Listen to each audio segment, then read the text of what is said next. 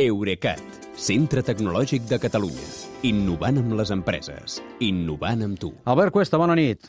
Bona nit, Kilian.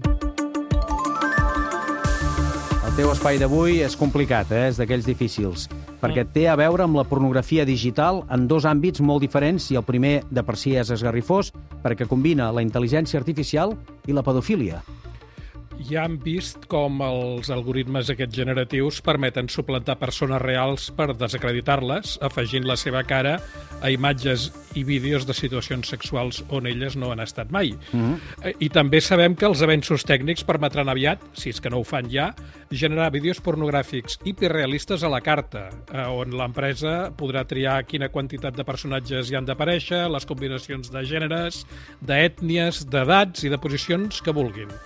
La novetat terrible és que aquesta tecnologia ja s'està fent servir per generar contingut de la pitjor classe que hi ha, que és la pornografia infantil.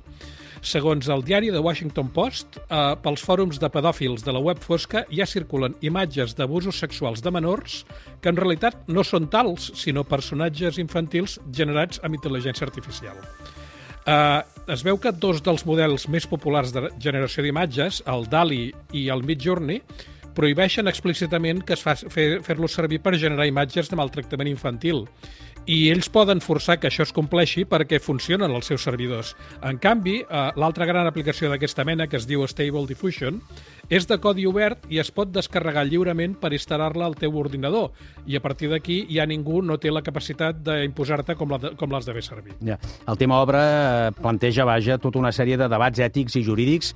Eh, quin més interessant i més difícil? Eh, més difícil. El primer és si aquesta pedofília, diguem-ne, simulada és tan menys preable com ho és la real. La real. Eh, I aquí té la barra de dir que no, perquè en aquests actes pornogràfics sintètics, diguem-ne, eh, no hi intervenen menors reals. Ja. Però fins i tot acceptant això, que ja és acceptar, cal recordar que els models que generen les imatges algú els ha entrenat amb fotografies existents d'abusos sexuals de menors. I per, per tant, la realitat sí que ja està, clar. Efectivament, però vés a buscar amb quina imatge, qui ha entrenat això amb quines imatges.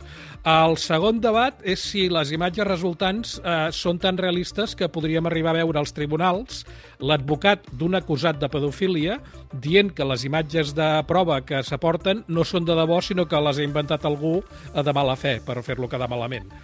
I encara et diré més, eh, els departaments de les plataformes, jo que sé, Facebook, Google, que vigilen la presència d'aquesta mena de contingut per esborrar-lo, eh, també, i els cossos policials que persegueixen la pedofília, se'ls ha complicat molt la feina, perquè hi ha casos en què poden acabar dedicant temps i recursos a buscar els participants en una escena d'abús sexual de menors que mai es va arribar a produir i, i, i no poder dedicar aquest temps i aquests recursos a situacions que sí que són reals i tangibles.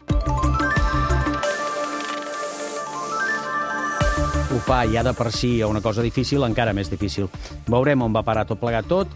La segona notícia d'avui té a veure amb la pornografia convencional, diguem-ne, o més convencional, però usada com a arma de sabotatge digital, i tot comença, sí. que no sabeu amb qui. Sempre apareix ell, Elon Musk.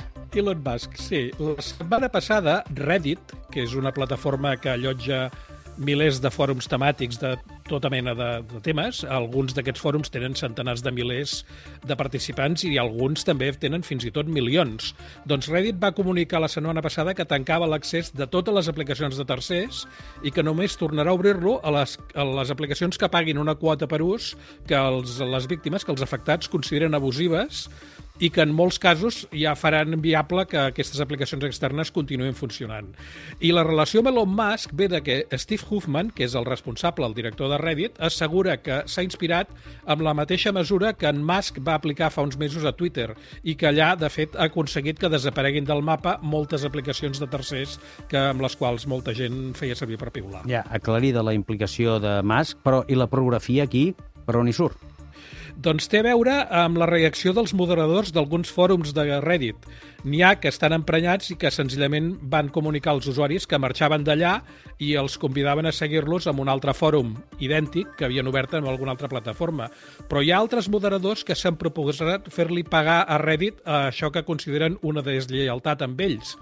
I com ho fan? Doncs obren els fòrums que administren el contingut pornogràfic, sigui quin sigui el tema original. I com que la pornografia troba qualsevol escletxa per per propagar-se. Ara hi ha fòrums, jo que sé, de cotxes o de música que estan plens d'imatges sexuals on els anunciants, que de fet són el negoci de Reddit, no volen aparèixer de cap manera. I, per tant, l'empresa ja està veient com el seu negoci perilla. I els han fumut ben fumuts. Doncs sí. Moltes gràcies, Albert. Fins demà. Bona nit, Kilian. Fins demà.